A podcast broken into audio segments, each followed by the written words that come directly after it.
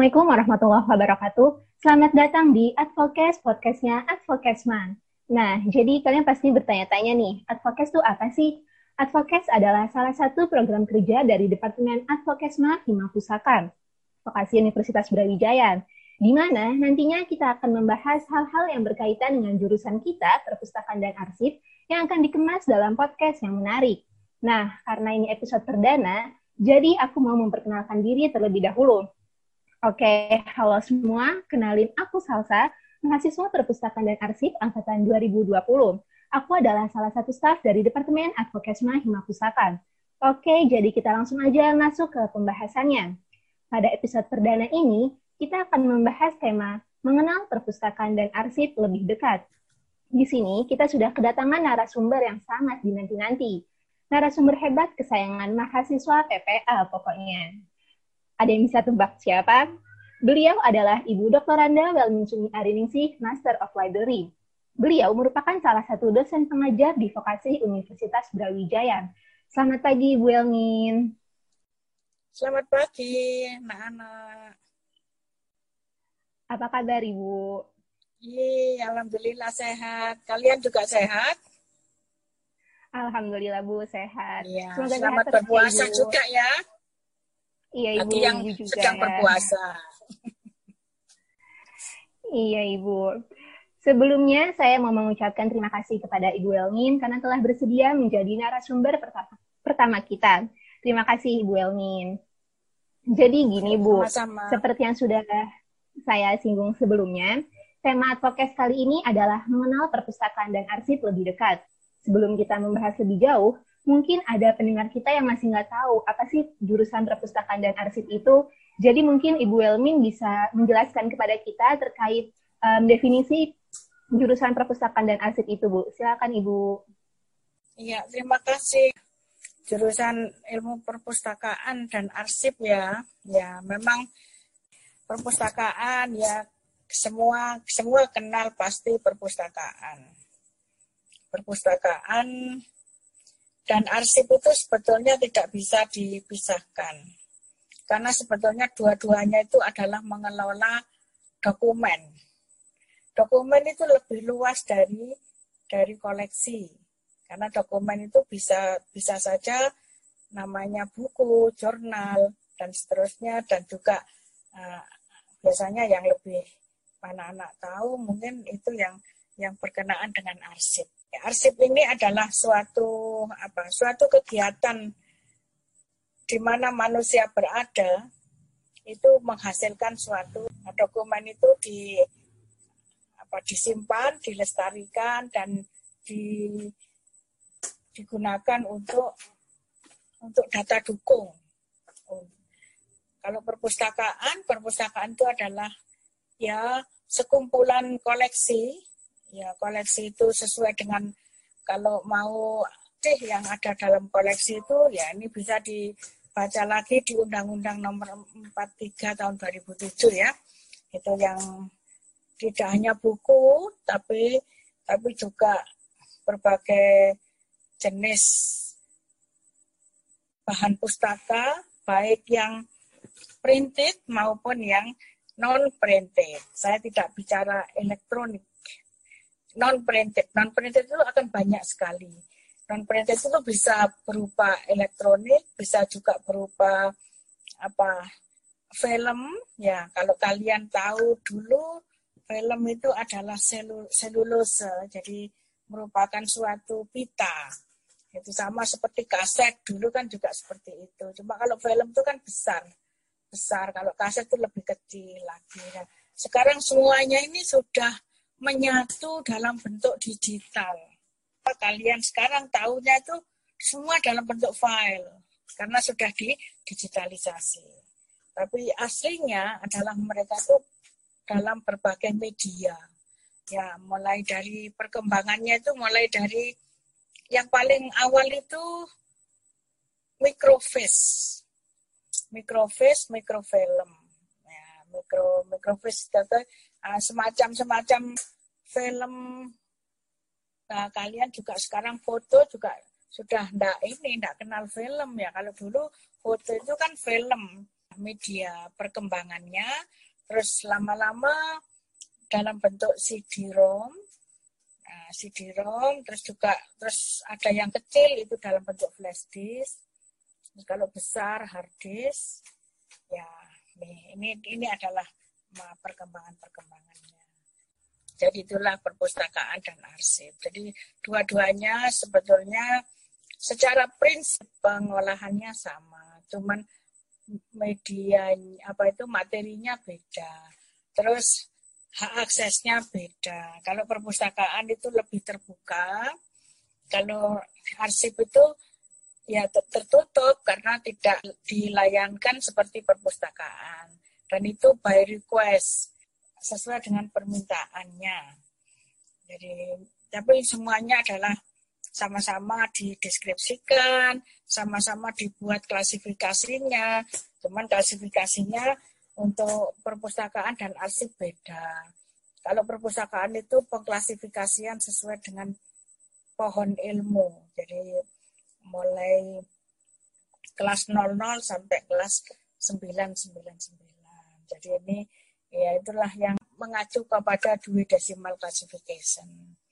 Tapi masih banyak lagi jenis-jenis klasifikasi dan itu tapi secara prinsip adalah dua-duanya itu menyangkut storing and retrieval. Jadi ISR, information storing and retrieval. Jadi semua itu di, disimpan dengan disimpan diolah itu untuk memudahkan untuk meretrieve, untuk memanggil kembali dulu ya sebelum ada uh, apa otomasi ya kita pakai kartu katalog. Kartu katalog ini sebetulnya membosankan. Makanya dengan beralih ke teknologi inilah yang perpustakaan itu bisa dikenal lebih jauh, tidak hanya apa kalau dulu kan harus datang, kalau sekarang tidak. Jadi di luar pun bisa tahu perpustakaan itu kira-kira prinsipnya ya tapi sebetulnya ya kalau dibicarakan lebih banyak lagi ya banyak sih. Oke, okay. jadi gitu ya teman-teman, udah jelas banget, udah lengkap banget penjelasannya. Kalau boleh tahu Bu, um, nantinya tuh kalau kita masuk jurusan perpus arsip bakalan belajar apa aja sih Bu? Mungkin banyak yang bertanya-tanya nih. Hmm, hmm, ya memang tidak banyak orang tahu. Paling perpustakaan tuh kan ya hanya minjam buku, mengembalikan buku kan itu dah yang orang banyak tahu. Tapi iya. sebetulnya tapi sebetulnya tidak ada tidak ada suatu bidang yang ini apa mengolah ilmu, mengolah knowledge itu hanya perpustakaan. Yang mengklasifikasikan ilmu kalau tidak perpustakaan. Kenapa itu diklasifikasi? Karena ilmu itu banyak sekali kan Ya seperti seperti ini aja yang kalian kenal fakultas. Mulai dari yang tertua misalnya fakultas hukum.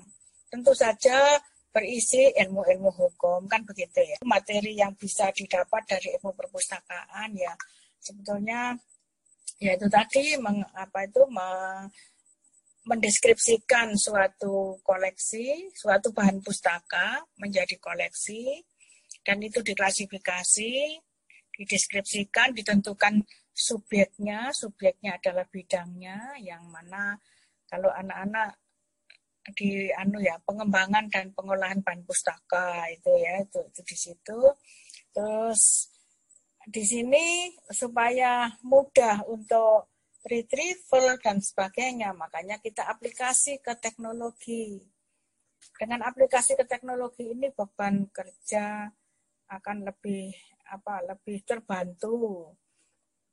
Terus yang dipelajari ada manajemen manajemen perpustakaan, ada ada bagaimana pengadaan. Pengadaan itu adalah dari asalnya tidak ada menjadi ada. Sebetulnya adalah uh, yang paling menarik ya kita ini bisa tidak selalu kalau lulus juga menjadi pustakawan juga tidak. Jadi masih banyak bidang yang bisa bisa ditekuni. Misalnya di rekod manajemen. Rekod manajemen itu semua semua instansi membutuhkan, semua baik itu swasta, negeri, maupun BUMN itu membutuhkan tentang uh, record manager.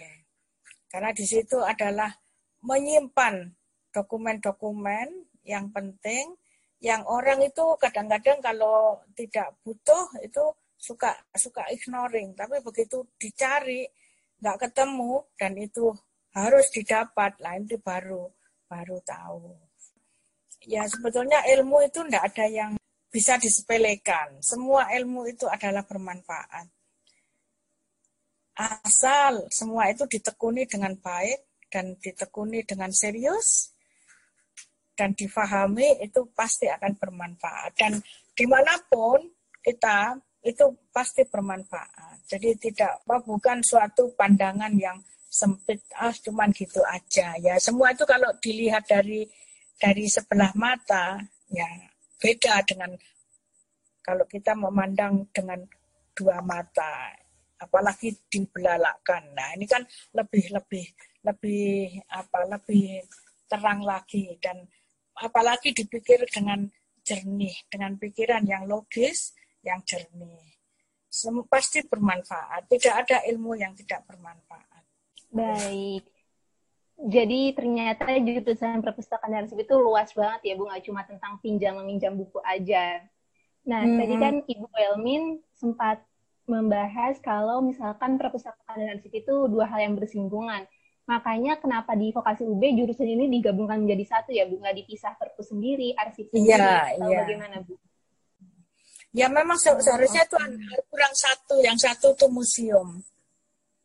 Hmm. Jadi museum, arsip dan dan perpustakaan itu adalah suatu bidang yang overlap. Tapi kalau arsip itu lebih ke dokumen, tapi kalau buku itu lebih open, lebih terbuka. Jadi dilayankan secara terbuka dan dan memang harus ditawarkan untuk di diekspos untuk untuk diketahui publik apa saja koleksinya. Iya, terima kasih Ibu. Jadi seperti itu ya teman-teman. Nah, ngomongin soal proses pinjam meminjam buku nih Bu, kan kita biasa mengenal itu dengan sebutan layanan sirkulasi ada nggak sih Bu permasalahan-permasalahan yang biasa terjadi dalam layanan sirkulasi di perpustakaan-perpustakaan Indonesia atau nggak usah jauh-jauh di ruang baca vokasi UB mungkin Bu atau di ruang perpustakaan UB sendiri? Ya, memang kenapa sih koleksi itu di, harus dideskripsikan, harus dibuat suatu inventarisasi, harus harus menjadi kepemilikan dan seterusnya. Dan ini semua adalah untuk ketertiban suatu koleksi. Kenapa? Kalau tidak tertib, nah ini juga kalau ilmu perpustakaan dan arsip itu adalah tertib administrasi, ya, tertib administrasi. Tanpa tertib administrasi, ya, koleksinya akan berantakan. Kenapa? Karena apa? Ini kan dipinjam, kalau di, di, dikatakan sirkulasi dipinjam. Dipinjam itu kan ditawarkan untuk di, diekspos untuk untuk diketahui publik apa saja koleksinya. Siapa yang boleh meminjam ya, itu kan juga harus menjadi anggota ke dan sebagainya. Terus ada identifikasi peminjam.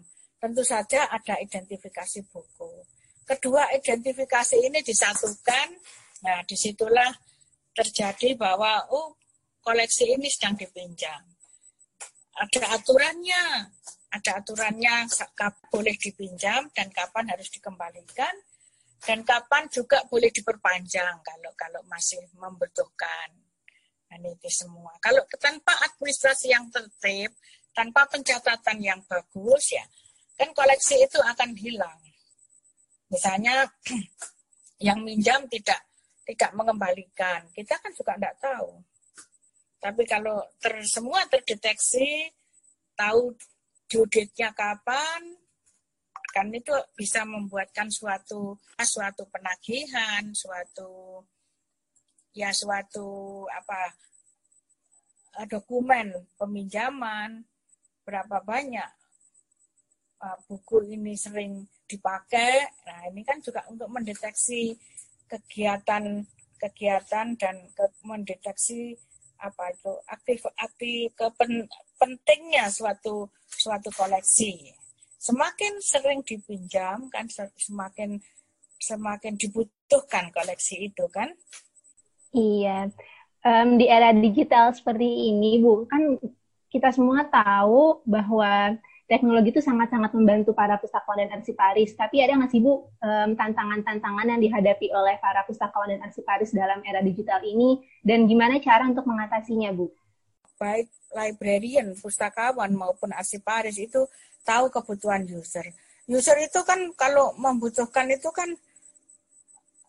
harus cepat, harus apa akurat, bisa mendapatkan informasi yang akurat, bisa bisa disampaikan dengan dengan tepat dan cepat dan sesuai dengan kebutuhan mereka. Nah, yang begini-begini ini kita harus paham. Baik librarian maupun arsiparis harus paham. Untuk itulah makanya kenapa dengan dideskripsikan storing and retrieval tadi itu adalah dalam rangka untuk bisa men mendapatkan suatu informasi yang cepat dan tepat. Terus kalau tidak ada di kalau tidak ada di suatu perpustakaan. Kita kan bisa kerjasama dengan perpustakaan lain. Seperti sekarang uh, semua yang yang ditanyakan adalah ke Mbah Google. Ya, uh, tanya ke Mbah Google itu kan juga harus dilihat keakuratannya, keabsahannya. Nah, tadi kan membahas soal keakuratan ya Bu. Gimana hmm. sih cara kita menjamin kualitas dan keaslian data yang kita dapetin dari pihak perpustakaan, Ibu? Tapi mereka ini tuh berpegang pada sumber primer. Ya, jelas ada pengarangnya, jelas ada jelas ya judul jelas, ada pada pen, penanggung jawabnya, ada penerbitnya, kapan itu diterbitkan dan di mana ya semua semua koleksi itu pasti terdeteksi lah Ter, pasti kenapa harus dideskripsikan ya itu supaya itu untuk menjamin keaslian dari suatu koleksi. Berarti baik dari pustakawan, pemustaka maupun pengarang bukunya itu sendiri juga harus pintar-pintar menyaring informasi ya Bu. Iya, ya namanya informasi itu kan kan banyak, buku juga banyak, buku mungkin buku buku juga belum tentu cocok dengan misalnya usia, misalnya anu segmen, segmen pasar. Jadi memang semua itu disesuaikan dengan kebutuhan user. Nah, kebutuhan user itu kan juga ada ada anu ada stratanya. Mungkin strat, dari strata pendidikan, dari strata umur. Nah, ini ini juga ini juga bisa di anu apa diklasifikasi Baik, terima kasih banyak Ibu Wilmi. Nah, sekarang pasti teman-teman advokat sudah paham dong terkait jurusan perpustakaan dan arsip ini. Langsung aja kali ya kita masuk ke pertanyaan yang paling dinanti-nanti soal prospek kerja. Bagaimana sih Bu prospek kerja jurusan perpustakaan dan arsip ini? Ya, kalian tuh bisa bekerja di karena karena yang dipelajari itu kan tidak hanya tidak hanya perpustakaan yang sempit ya. Karena di situ kan ada mata kuliah ada aplikasi teknologinya, ada ada filingnya dan sebagainya. Jadi ya, ya itu tadi kalian bisa saja bekerja di rekaman-rekaman seperti di TV. Jadi itu misalnya suatu report, suatu report ada suatu bencana misalnya. Nah itu kan kan kadang-kadang ditampilkan bencana tahun ini, tahun kapan dan sebagainya. Lah itu kan itu kan mereka kan membutuhkan suatu suatu dokumen. Nah, itu itu yang mengerjakan ya anu apa? Ya dokumenter, ya ya yang ya yang membidangi ya bisa saja anu apa bidang perpustakaan, bisa bidang kearsipan gitu. Personalia, sumber daya manusia misalnya. Bisa di perusahaan yang megang tentang tentang dokumen juga bisa. Jadi sebetulnya sebetulnya apa kalau kita mau ini mengaplikasikan itu bisa saja kita kerja di di bidang-bidang lain. Menjadi reporter juga bisa kan? Sama aja. Berarti harus dari kita yang pintar-pintar mencari peluangnya ya, Bu. Iya, makanya kan makanya apalagi ditunjang dengan soft skill ya. pinter-pinter kita untuk mengadaptasi diri dan menghubungkan dengan kemampuan soft skill kita. Jadi kalau kalian punya soft skill, misalnya punya uh, kemampuan yang sangat potensi untuk masa depan kalian, uh, saya tidak terlalu suka dengan istilah mahasiswa kupu-kupu, ya kan? Kuliah pulang. jadi jadi pada waktu kuliah itu ya kalian harus menggali pot anu, menggali knowledge kalian, menggali informasi yang kalian butuh, kalian bisa open your mind. Karena dengan kalian terbiasa dengan open your mind itu, itu kalian terbiasa untuk mendapatkan tambahan tambahan informasi. Oke, jadi gitu ya teman-teman. Sebenarnya prospek kerja perpus arsip itu luas banget dan jangan lupa juga untuk mengembangkan soft skill yang kita miliki. Nah, mungkin nggak semua teman-teman kita tuh mau langsung bekerja Bu setelah lulus kuliah. Mungkin ada juga yang masih mau melanjutkan perkuliahan yang kayak satu. Nah, buat kami-kami ini lulusan D3 Perpustakaan dan Arsip yang ingin melanjutkan ekstensi ke S1, itu kira-kira dari jurusan apa aja ya Bu yang bisa menerimanya? Sebetulnya sih itu kan juga sangat tergantung sama alis jenjang yang menerima ya. Tapi kan semua itu kan akan dilihat ya, apa itu dilihat mata kuliahnya. Ya sebetulnya kalau mau ke mana ya ketertarikan Anda ke mana. Kalau memang kalian uh, broadcasting, kehumasan dan sebagainya, bisa bisa ke situ. Jadi sebetulnya akan terus kalau linear ya ke anu apa D4 perpustakaan atau S1 perpustakaan. Itu kalau yang linear. Jadi kalau yang lain-lain ya sangat tergantung sama prodi yang mempersyaratkannya dan dan termasuk juga kemampuan kalian. Oke, berarti semua tergantung prodi yang ingin kita tuju ya, Bu. Dan yang penting ya. adalah kita harus mengembangkan diri kita terlebih dahulu harus uh, selinier ya, senafas tuh. Kalau kan nggak nggak kan nggak mungkin kalian akan melanjutkan ke farmasi gitu, ke kedokteran gigi kan itu kan nggak mungkin. Jadi ya yang se yang yang ilmunya itu se serumpun nah itu. Oke, mungkin ini pertanyaan terakhir Bu. Kita semua tahu kalau vokasi itu lebih mengedepankan praktik daripada teori. Nah, tapi kan sekarang lagi kondisi pandemi nih Bu, pasti ada perbedaan-perbedaan yang dirasakan dari Ibu Elmin sendiri, ada nggak sih Bu kendala yang Ibu alami selama mengajar saat online ini? Dan bagaimana cara Ibu untuk memaksimalkan kegiatan praktik-praktik tersebut? Ya, itulah itulah memang yang harus kita ya yang kita hadapi saat ini. Karena seperti mata kuliah saya pengadaan dan pengembangan bahan pustaka itu sebetulnya banyak sekali banyak sekali praktek banyak sekali harus doing. Tapi dengan pandemi ini ya kita ketemunya dengan ketemu di layar dan makanya saya saya memberikan banyak tugas-tugas untuk supaya paling tidak membackup prakteknya. Uh, masa pandemi ini betul-betul uh, kami sebagai dosen juga ya nggak mudah anak-anak bagaimana me, ya berusaha mengertikan. Makanya kan kita harus apa sama-sama sama-sama sama-sama take and give dan sama-sama merespon. Jadi kalau ada ada tugas yang dikerjakan kalau ada pertanyaan ya ditanyakan. Nah itu kita tatap muka apa nggak bisa tatap muka dan nggak bisa doing harus praktek dan seterusnya. Makanya kan saya di kuliah saya tentang klasifikasi dan sebagainya itu I'm doing the best gitu ya untuk kalian. Namun ini juga sebetulnya banyak kelemahannya. Tapi semoga uh, masa ini pasti berakhir dan nanti kalau ada kita ada ke, ada tatap muka dan masih ketemu sama anak-anak, saya akan nambahkan di mata kuliah saya. Itu yang selalu saya sampaikan.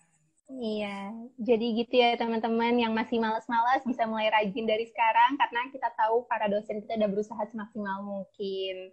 Nah, terakhir banget nih Bu, mungkin Bu Elmin bisa memberi closing statement apa yang mau Ibu sampaikan ke mahasiswa perpustakaan dan arsip atau bahkan ke para mahasiswa baru yang akan memilih dunia perpustakaan arsip seperti itu Bu. Iya, secara normatif program vokasi perpustakaan dan arsip ini kan diampu oleh oleh orang-orang yang berkompeten di bidangnya. Terus juga kalau kita menghadirkan praktisi juga praktisi yang berkompeten di bidangnya juga. Itu adalah normatifnya. Namun dalam perjalanannya kadang-kadang kita menemukan hal-hal yang misalnya kurang pas dan seterusnya ya ini perlu disikapi dengan baik. Namun percayalah bahwa suatu program itu ada itu adalah untuk untuk pengembangan ilmu, untuk pengembangan skill, untuk pengembangan SDM itu bisa bisa melakukan pekerjaannya dengan baik. Makanya kan ditunjang dengan ada on job training itu adalah untuk melengkapi di bangku kuliah ini sekarang terjun ke suatu apa tempat kerja dan di situ kalian bisa banyak belajar yang kemarin di kelas dengan yang di yang di tempat kerja. Jadi jadi uh, kalau memang sudah menekuni suatu bidang itu harus harus serius, harus bersungguh-sungguh belajar dengan baik karena itu akan bermanfaat untuk hidup kalian. Saya dulu awalnya malah bukan librarian. Saya background S1 saya administrasi publik. Karena saya ditugaskan di perpustakaan dan dan saya juga ingin tahu semakin saya terjun itu semakin semakin tidak banyak yang saya ketahui memang karena saya tidak punya ilmunya sehingga saya harus belajar. Zaman dulu anak-anak tahun 90 saya harus belajar ilmu perpustakaan ke luar negeri dan itu tidak banyak orang yang yang mau yang tertarik tapi it's okay karena saya kerja di situ harus banyak harus punya bekal harus punya ilmu sehingga saya berangkatlah belajar dan itu dengan tentu saja dengan beasiswa dan itu semua adalah kompetisi sehingga tidak banyak orang yang tertarik sehingga saya saya belajar itu sekarang tidak banyak juga orang yang punya gelar magister ilmu perpustakaan, namun sekarang juga sudah mulai banyak dokter-dokter dari luar negeri yang dalam bidang ilmu perpustakaan. Namun keuntungan yang saya peroleh waktu itu, ya saya bisa bermanfaat dan bisa me, apa, sharing knowledge, bisa apa mengajar di mana-mana, bisa memberikan materi, menjadi pembicara dan seterusnya. Sehingga sampai sekarang saya sudah pensiun dari ASN pun saya juga masih dibutuhkan. Itu itulah jadi itulah pentingnya anak-anak ilmu, itulah pentingnya suatu suatu keseriusan sungguh-sungguh orang itu mau menekuni, mau belajar. Tidak hanya itu aja dengan dengan saya sebagai pustakawan itu saya bisa keliling dunia, bisa ke mana-mana, tapi tidak hanya ngelencer anak-anak, tapi adalah mempresentasikan suatu karya. Jadi itulah yang anu yang harus karena kita di dunia kerja di praktisi kita mengelola mengembangkan suatu perpustakaan. Apa yang kita kembangkan itu banyak dibutuhkan oleh orang lain. Nah, itulah akhirnya menjadi suatu referensi sehingga perpustakaan Brawijaya itu uh, menjadi referensi dari mana-mana. Semua belajar uh, hampir semua belajar ke perpustakaan Brawijaya, terutama tentang teknologinya.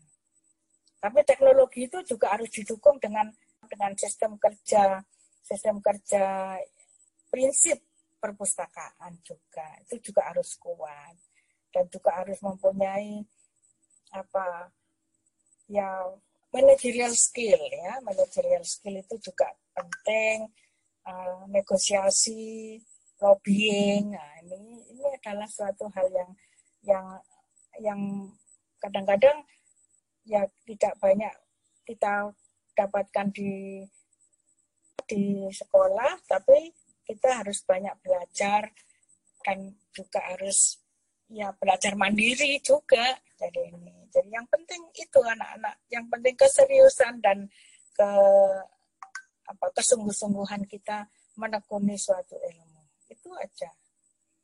Nah, jadi masya Allah banget ya teman-teman Bu Elmin ini.